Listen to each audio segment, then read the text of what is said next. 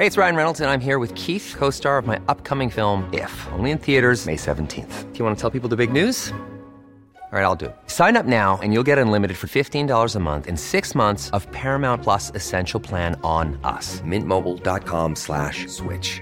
Upfront payment of $45 equivalent to $15 per month. Unlimited over 40 gigabytes per month. Face lower speeds. Videos at 480p. Active Mint customers by 531.24 get six months of Paramount Plus Essential Plan. Auto renews after six months. Offer ends May 31st, 2024. Separate Paramount Plus registration required. Terms and conditions apply if rated PG. Hey, I'm Ryan Reynolds. At Mint Mobile, we like to do the opposite of what Big Wireless does. They charge you a lot we charge you a little. So naturally, when they announced they'd be raising their prices due to inflation, we decided to deflate our prices due to not hating you.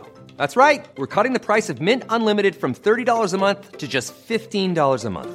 Give it a try at mintmobile.com slash switch. $45 upfront for three months plus taxes and fees. Promo rate for new customers for limited time. Unlimited more than 40 gigabytes per month. Slows. Full terms at mintmobile.com. Planning for your next trip? Elevate your travel style with Quince. Quince has all the jet-setting essentials you'll want for your next getaway, like European linen, premium luggage options, buttery soft Italian leather bags, and so much more. And it's all priced at 50 to 80% less than similar brands. Plus, Quince only works with factories that use safe and ethical manufacturing practices. Pack your bags with high-quality essentials you'll be wearing for vacations to come with Quince. Go to quince.com slash trip for free shipping and 365-day returns.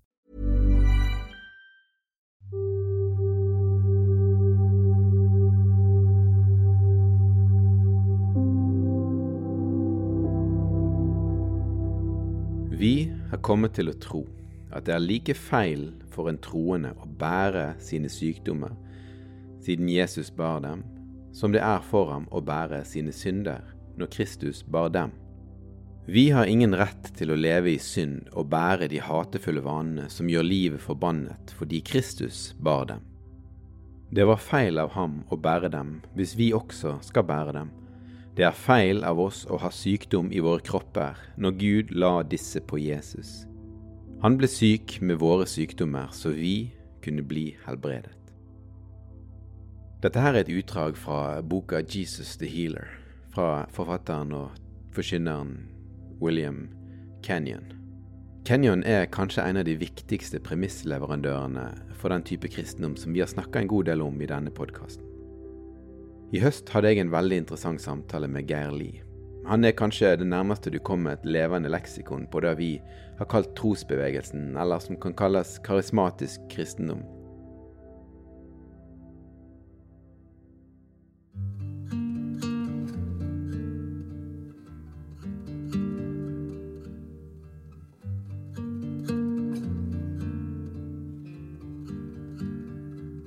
I denne episoden tar jeg deg gjennom noe av det vi snakker om, og særlig dette med retten til helbredelse og en syndfri tilstand.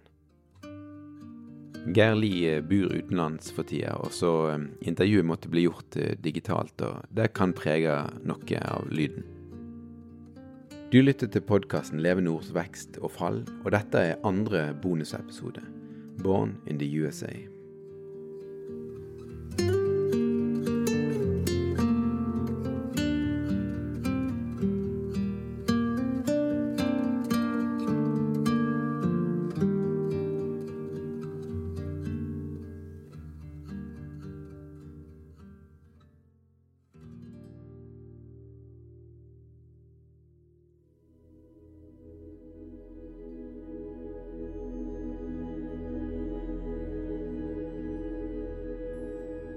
Men jeg personlig, som hadde lest alt av Kenyon, eh, jeg eh, registrerte jo at, at, jeg levde på en annen måte og kunne eh, stå imot såkalte forkjølelsessymptomer uten at det hjalp så mye.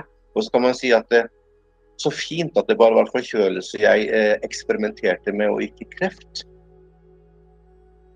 Kanskje vet du masse om Kenyon fra før, eller kanskje er du helt fersk.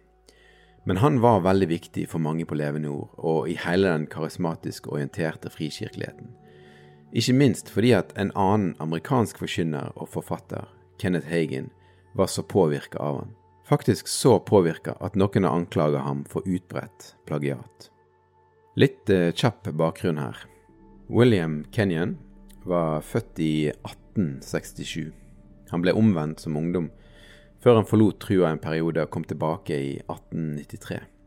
Kort fortalt så var han pastor innenfor baptistsamfunnet og mer frie sammenhenger, og han starta et bibelinstitutt som han leda i 25 år. Kenneth Hagen er født i 1917 og var òg forkynner og forfatter som fikk stor innflytelse. Han hevda at han ble helbreda som barn, og han var opptatt av helbredelse og framgang i sin formidling. Disse her to kalles gjerne, sammen med et par andre navn, for trosbevegelsens opphavsmenn. Det vil si at en del av de tankene vi har vært innom i denne podkasten, stammer fra de. Men det er viktig å ha i bakhodet at det er ikke sånn at alt som Hagen eller Kenyon sto for, ble forkynt på levende ord, f.eks., men de var viktige premissleverandører, særlig Hagen, tror jeg. Det er en tanke om at Jesus oppnådde noe på korset som er tilgjengelig for oss i dag. Og da er ikke det bare snakk om frelsen og det evige liv, men om helbredelse og kanskje til og med syndfrihet her og nå. Og det er tilgjengelig gjennom at den truende bekjenner at en allerede har det. Word of faith er et ord som, eller begrep som, som var veldig vanlig. Name it and claim it har du kanskje hørt. Det er et litt uoversiktlig landskap av forfattere, teologiske institusjoner, forkynnere, teleevangelister som utgjør denne størrelsen her. Men la oss prøve å gjøre det konkret. Du hørte Geir si, ærlig nok, at han eksperimenterte med å stå imot forkjølelsessymptomer. Det var tidlig på 80-tallet. Det vil si, han oppsøkte ikke lege eller tok medikamenter, men bekjente at han hadde helbredelsen fordi at Jesus har båret alle sykdommer på korset. Det høres kanskje ut som en uskyldig tenårings naive tilnærming til trua, men nå i ettertid så priser han seg lykkelig over at han ikke eksperimenterte med noe mer alvorlig. Selv døde jo av lymfekreft. og, og eh, Jeg har jo eh, dødsattesten hans som, som, sier det, og har jo også samtalt med, med hans svigerdatter. Som, som eh, Han bodde jo en per, per, periode hjemme hos henne og, og hennes mann før de skilte seg. da. Han oppsøkte jo lege fordi han hadde falt fra en hengekøye og skada ryggen. Og I den forbindelse så ble de oppdaga denne, denne svulsten. Så det her, Kenyon er jo ikke konsekvent sjøl, fordi at uh, han oppsøkte jo lege. Selv om uh, Sverre så har han uh, flere avsnitt i ganske mange bøker der han sidestiller det å, å, å, ha uoppgjort synd i sitt liv og, og, og det å ikke praktisere en, en, tro på at helbredelsen forsvant i det jeg, i det jeg ble bedt for. Word of faith, eller trosbevegelsen, er viktig å kjenne til, men kan være vanskelig å få helt grep på. Etter denne høsten føler jeg at det er som at hvis du har to medlemmer av trosbevegelsen i ett rom, så vil du få tre ulike svar på hva trosbevegelsen er, hvor den var utbredt, og om den fortsatt fins. Men du kan holde fast på akkurat dette her med at det handler om vektleggingen av bekjennelse, altså det å si uttale og tro at du har noen privilegier. Og dette har du fordi du har del i Guds natur, som følge av at din ånd er født på ny. Så vidt jeg kan forstå, henger dette her sammen med noe av det Enevald Flåten sier i fjerde episode av denne podkasten. At de hadde den gode bekjennelsen, og at han derfor for sin egen del ikke klarte å være ærlig med det som var vondt og mørkt i eget liv. Svakhetene og synden.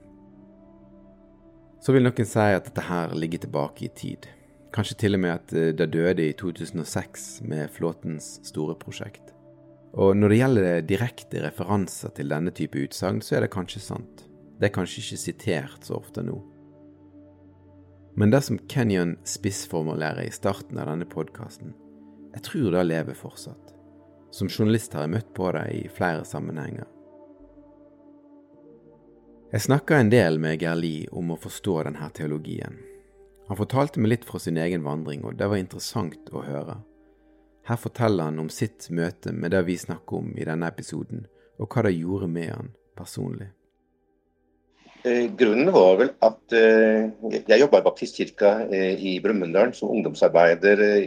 Det var vel Jeg husker ikke om det var på slutten av 70-tallet eller begynnelsen av 80-tallet, men i hvert fall i den forbindelse så kom jeg ble kjent med mennesker som, som var fascinert av Kenyan. Og, og, det, og, det, var et miljø i Oslo i, i forlengelse av P22, der flere av disse jobba. Og jeg flytta til Oslo og ble fascinert av Kenyans bekymrelse. Ikke minst liksom den ble utlagt i det norske miljøet. Han opplevde at Kenyan gikk dypere og var grundigere enn Hagen når det gjaldt å argumentere og grave i bibeltekstene. Hagen beveger seg mer i hvordan å leve ut denne innsikten, sier Lee. Kenyans tanker, som Hagen legger seg svært opp til, ble viktige for Geir. Men, men, men jeg kommer fra en, eh, en, familiebakgrunn som var tøff som, som barndom, og hadde problemer med å eh, se min egen verdi.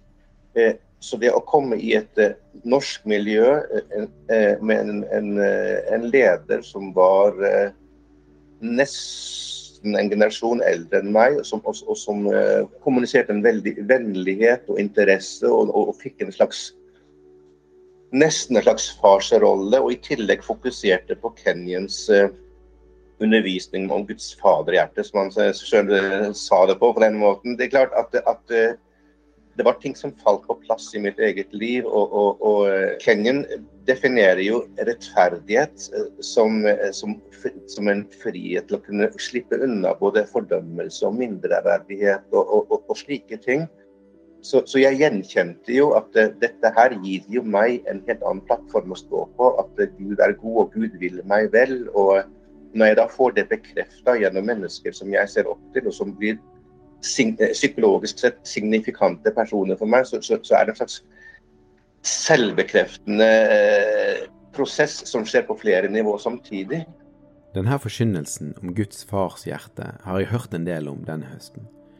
Den var i hvert fall til stede på Levende Ord og mange andre plasser.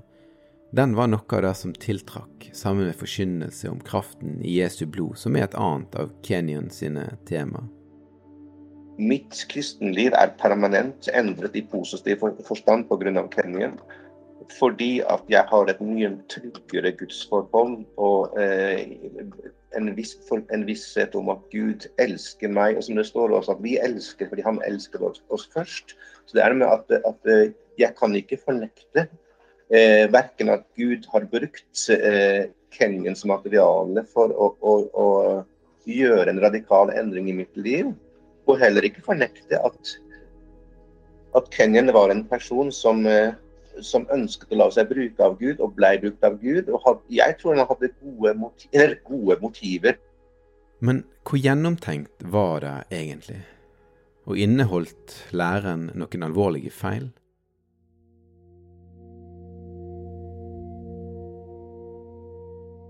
I sitt arbeid har Geir Lie både holdt fast ved det gode ved Kenyan, men samtidig satt fingeren på noen svakheter. En ting er at Kenyan sjøl oppsøkte lege når han falt ned fra ei hengekøye, og at inne hos legen ble det oppdaga kreft som han seinere døde av. Geir Lie er såpass nøyaktig i sin kartlegging av dette her at han har sett dødssertifikatet og snakka med Kenyans etterkommere. Og det Kenyan opplever der, ser ut til å motsi det han sier i boka 'Jesus the Healer', som vi leste fra innledningsvis. Med mindre man tenker at Kenyan sjøl bekjente feil på noe vis. Men trenger man egentlig lure på om truende mennesker dør av alvorlige sykdommer? Eller om kristne mennesker kan ha kronisk sykdom? Det er her jeg tenker at det må finnes en alvorlig spenning mellom tankene om at helbredelse er noe som den truende allerede har fått, like sikkert som Jesus' frelsesverk, og virkeligheten sånn som vi erfarer den. Planter Kenyon og Hagen noe inn i trosbevegelsen og i kristenheten som rett og slett ikke er sant? Når, når Kenyon snakker om at du er en ånd som har en sjel og bor i et legeme, så, så var det veldig på den tiden befriende for meg å kunne fornekte min fysiske eksistens og starte helt på nytt igjen i et vakuum og kunne på mange måter avskjære alt som hadde med barndom å gjøre. Mm. På samme måte som jeg opplever at, at Kenneth hadde gjort. Det personaliserer seg sjøl. Det er jo kroppen husker jo, og kroppen tar med seg alt som er som er egentlig er blitt påført. Det blir mindre smertefullt å kunne si at det, det er ikke meg.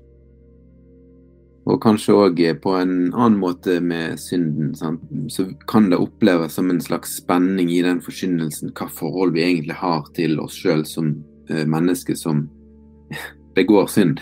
det, det er veldig interessant, for det er klart at uh, hvis Kenyan skulle vært konsekvent, hvilket jeg opplever han ikke er, uh, hvis jeg er en ånd, og ånden eh, har del i, eh, i Guds vesens eh, eh, egenskaper eller kar kar karakteristika, eh, så betyr det jo logisk sett at jeg trenger ikke å omvende meg. Jeg trenger ikke å føle anger for synd. Jeg trenger ikke å, å ta et oppgjør med, med synd, for det, det, var egentlig ikke meg. Det var egentlig noe, en utenforliggende størrelse.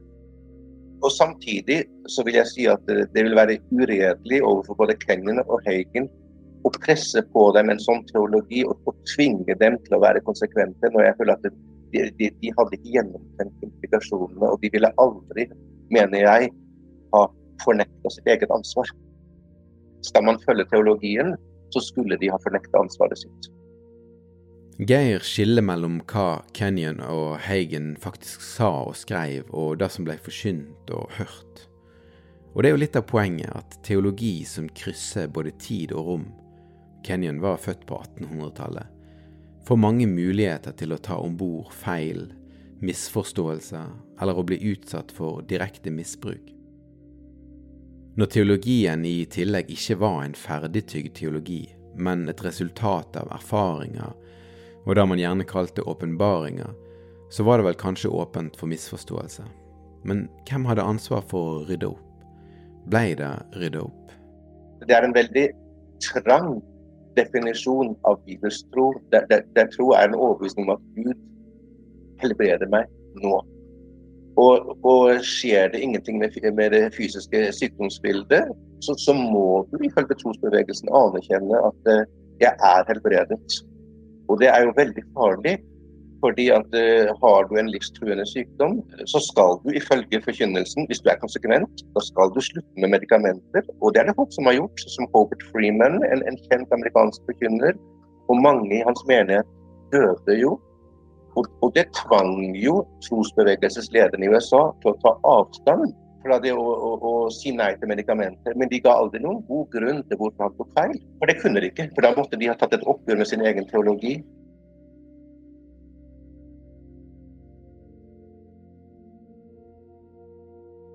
Det er noe spesielt ved måten Kenyon uh, formulerer seg i det åpningskapittelet av Jesus the Healer. Vi har kommet til å tro, skriver han. Jeg forstår det sånn at uh, vi i denne sammenheng er et uttrykk for en opplevelse av å stå i en spesiell åpenbaring, en spesiell del av kirka som i den tida ble utrusta og gitt særlige åpenbaringer. Jeg tror nok Kenyon og Hagen har dette her fra tidligere karismatiske bevegelser, som det finnes mange av de siste 150 årene. Og hvem kan vel si at den karismatiske bevegelsen, med alle sine feil og særegenheter, absolutt ikke er iverksatt av Gud. Altså sjølve impulsen, om mange av resultatene kan være aldri så feilaktige og misledende. Men likevel så sier Kenyan altså at det er feil for en kristen å være sjuk. Det er det samme som å gjøre Jesu offer på korset overflødig. Hvis du bærer dine sykdommer sjøl, så var det nytteløst for Jesus å bære dem opp på korset. Er ikke vi en slags spenning her, der det er vanskelig tidvis å skille det gode fra det som ikke er godt eller sant? Og det er en spenning som jeg føler at vi på mange måter har stått i gjennom hele denne podkasten, og som kanskje er sånn det må være. Når jeg da i 1988 kom over en bok som heter A Different Gospel av en amerikansk teologistudent, eh, Dan McConnell. Og så gikk jeg gjennom en krise fordi jeg kunne ikke frikjenne Kenyon. Jeg, var, jeg hadde ikke nok innsikt til å kunne Det var ei bok fra akademikeren DR McConnell som heter A Different Gospel, som sendte Geir Lie ut i en troskrise. For han klarte ikke å forsvare seg, eller Kenyon, mot McConnells angrep. En av de måtte jo ha rett, så hvordan avgjøre hvem? I trosbevegelsen fantes det ifølge Geir en tanke om at den karismatiske endetidsmenigheten, som trosbevegelsen ser ut til å oppfatte seg som, var bærer av den høyeste grad av kunnskap. Den kom fra åpenbaringer og det som en kalte for en læresalvelse. Så i møte med McConnells innvendinger så vendte Lee seg til stedet der Kenneth Hagen hadde etablert sin tjeneste, Tulsa i delstaten Oklahoma. Han skrev til de som han tenkte var aller mest lærersalva. Og ingen av dem svarte meg. Eh, I etterhånd så har jeg skjønt at det skyldes jo to ting. Det ene er at de var ikke i stand til å svare, for de hadde jo heller ingen akademisk bakgrunn og, kom til kort i forhold til en akademiker som er Tarmen. Og det andre er jo det som eh, at uh, trosbevegelsens ledere, selv om de mente at de representerte noe av det ypperste av det Gud hadde gjort inntil da, så var de preget av, eh, og er preget av en veldig spesiell likegyldighet for enkeltindividet. Hvis ikke du og jeg da tjener dem og den tjenesten de mener at de innehar, så er de egentlig ikke interessante. Så jeg fikk ikke noe svar, og ble tvunget til å gå i gang på egen hånd. For Geir sin del så innebar dette her noen dramatiske år, som leder fram til ei hovedoppgave om Kenyan, og seinere en karriere med studier av denne delen av kirkehistorien. I den krisen som han hadde, så opplevde han å være i et vakuum i en toårsperiode. Han måtte rett og slett tenke at McConnell kunne ha rett, at han ikke var en kristen siden han var påvirka av Kenyon. Geir eh, følte seg aleine i denne tida, for han ønska ikke å rokke ved andres tru ved å dele sin egen tvil. Men etter to år så begynte det å roe seg, forteller han. Eh, men jeg begynte etter hvert å se at eh, her har jeg alternative forklaringer. Så det var jo det, det, det ene, at jeg ufarliggjorde noe av den trusselen mot min egen kristne tro. Men parallelt så, så, så, hadde det nok skjedd noe psykologisk i meg at min emosjonelle relasjon til Kenyan var vel også blitt avsvekket. Som gjorde at når jeg da så ting hos han som ikke var fordelaktig, så var jeg blitt i stand til å takle det også. For meg er det så interessant å høre hvor sterkt knytta Geir var til Kenyan i denne perioden. Og jeg tror ikke at han var den eneste som hadde et så sterkt bånd til den amerikanske forkynnerens arbeid, eller til Kenneth Hagen sitt arbeid. Men for Geir så gjorde hans eget farsforhold det ekstra viktig å høre noen snakke om Guds farshjerte på en så sterk måte som Kenyon gjorde.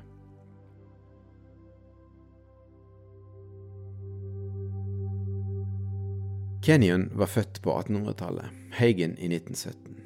Det er lenge siden. Og folk stiller sterk tvil til om det i det hele tatt fins en trosbevegelse i Norge. Så er denne bonusepisoden egentlig gråt over spilt melk? En av grunnene til at jeg gjerne ville lage denne bonusepisoden, er fordi at jeg altså mener å ha erfart at en god del av dette er ikke vekke. Jeg tror at det fortsatt lever en tanke om at helbredelse er noe vi har rett til, her og nå. Det har litt med det jeg har hørt denne høsten å gjøre. Så har det òg litt med andre erfaringer og møter som jeg har hatt. Du har kanskje dine tanker om det. Kanskje er du uenig, enten fordi at du mener at disse tankene ikke er verdt å ta opp eller kritisere eller tenke på nytt eller fordi du mener at de er forlatt på 80- og 90-tallet. Jeg tror altså at de eksisterer fortsatt. Forskjellen mellom å be sin gode far om helbredelse for seg sjøl eller for noen andre, eller å se på helbredelse som en rettighet og sykdom som et tegn på vantro, kan kanskje virke liten, men det har egentlig veldig store konsekvenser, både for gudsbildet og for truspraksis, vil jeg påstå. Vi kunne gått mange veier med å ta dette opp her, Men jeg har lyst til å peke på noe som Geir Lie sier til meg i vår samtale.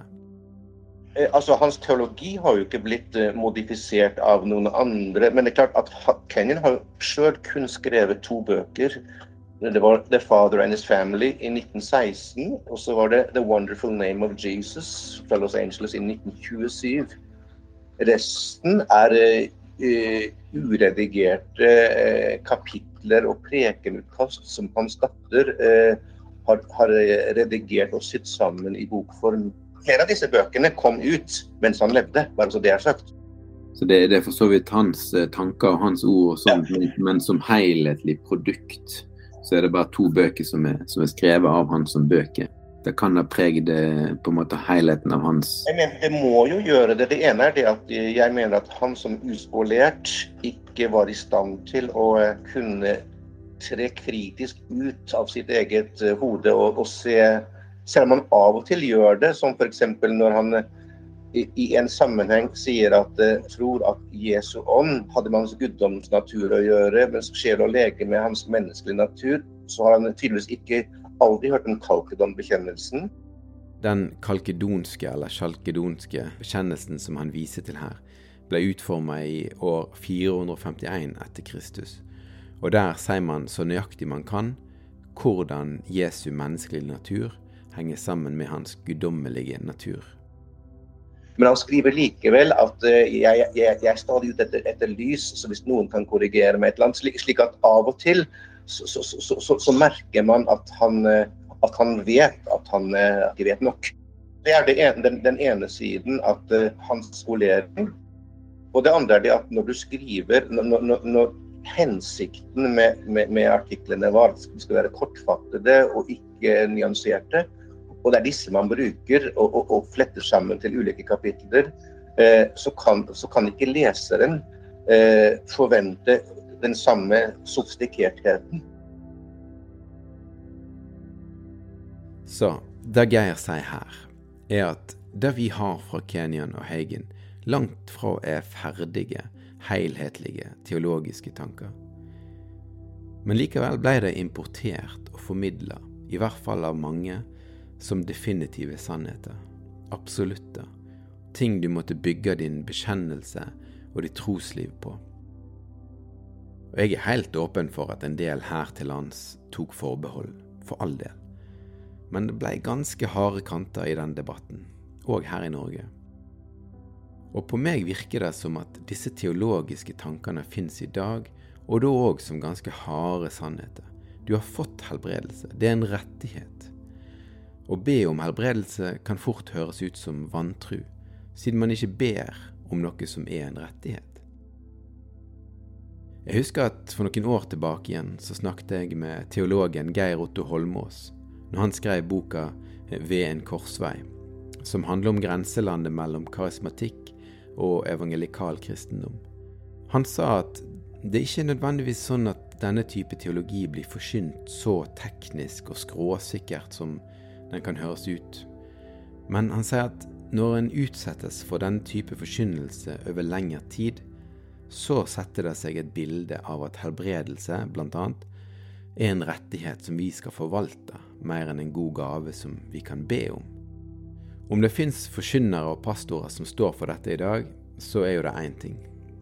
Det vil alltid finnes nyanser og meningsforskjeller i kirka, selv om denne måten å tenke på ofte blir sterkt kritisert. Kanskje er du litt irritert over denne episoden og føler at jeg utfordrer noe som er viktig for deg. Og dette er vel poenget mitt. Hva om tankegodset bare flyter litt rundt og fins som trussannheter blant kristne, mens forkynnere, pastorer og trossamfunn tror at det hører fortida til?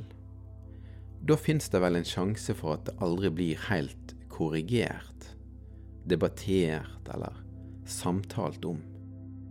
Og konsekvensen kan være at kristne som er syke, kan leve i fornektelse eller stille skam over at de ikke har tru til å ta ned helbredelsen som Jesus egentlig har gitt dem. At de bærer på en sykdom, sånn som Kenyan skriver, som Jesus egentlig har båret for dem. Jeg tror det som Geir Lie sier om denne teologien, har betydning For at noen holder fast ved det i dag, men òg fordi at sånne tanker fort kan komme opp igjen til overflata. Så må jo det bli opp til kirkesamfunn og institusjoner og menigheter å ta stilling til hva man skal videreføre og hva som skal avvises.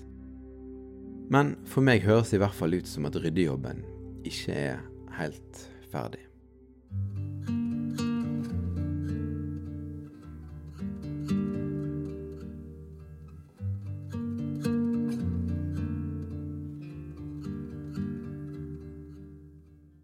Du har hørt på en bonusepisode av podkasten Levende ords vekst og fall. Vi kommer til å fortsette å lansere sånne episoder som denne, der du finner denne podkasten. Og jeg kan avsløre at vi arbeider med et viktig og nokså stort intervju, som eh, nok vil bli til en eller flere omfattende bonusepisoder, så du har noe å glede deg til. Hvis du liker denne type djupdykk i kristenliv, i kirke, i teologi, så kan du vurdere å bli abonnent på dagen.no. Til neste gang, takk for meg, og så høres vi igjen.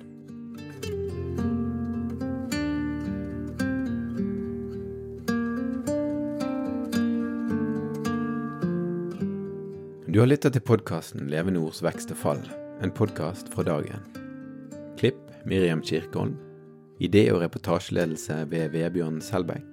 Konsulenter Herman Fransen og Christian Marstrande fra Lyder Produksjoner. Sosiale medier og grafikk ved Simon Sætren. Jeg heter Eivind Algerøy.